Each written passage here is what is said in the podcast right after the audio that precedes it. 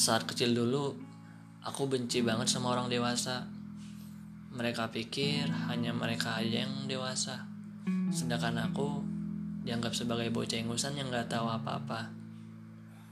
Mereka seolah tahu semuanya. Mana yang benar, mana yang salah. Padahal dunia kita kan berbeda. Mereka masih berkutat dengan pikiran yang lama, sedangkan aku hidup di dunia yang baru. Jadi bisa aja aku lebih pintar dan lebih paham daripada mereka. Dulu aku sering menyaksikan Mario Teguh dan beberapa acara inspiratif di televisi, membaca buku kisah-kisah orang sukses, dan menempelkan foto-foto tokoh favoritku di pintu lemari. Orang tuaku dan saudaraku menertawaiku, seolah aku sudah sinting, berpikir nggak realistis. Seolah mereka tahu bahwa aku hanya sedang bermimpi, sedangkan apa yang ada di kepalaku adalah impian sejengkal di depan mata. Sering bertambahnya usia, kita pasti ingin menjadi orang dewasa yang spesial. Meski kenyataannya, kita bahkan gak mampu buat bayar tanggungan, cicilan, atau jalan-jalan seperti selebgram. Aku masih ingat bagaimana orang-orang meremehkanku.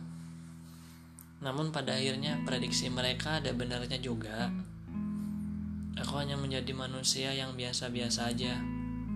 Nggak ada hal keren di dalam diriku yang bisa aku anggap spesial. Bahkan aku hanya masih kesulitan menjalani kehidupanku.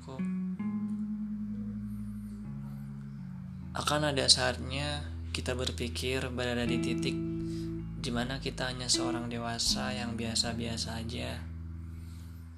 Titik di mana kita rela terlepas dari seorang anak kecil dengan sejuta impian. Di situlah kita berada di titik bagaimana menjadi orang dewasa. Sakit rasanya ketika harus menerima kenyataan bahwa kita hanya manusia biasa-biasa aja. Merelakan segudang impian yang kita tulis penuh serius dulu, hangus terbakar tanpa ada sisa. Mungkin ini juga yang kamu rasakan. Ya, walaupun begitu, aku pikir nggak masalah. Meskipun kita menjadi orang dewasa yang biasa-biasa aja, aku masih tetap ingin menulis dan menceritakan apa yang aku pikirkan.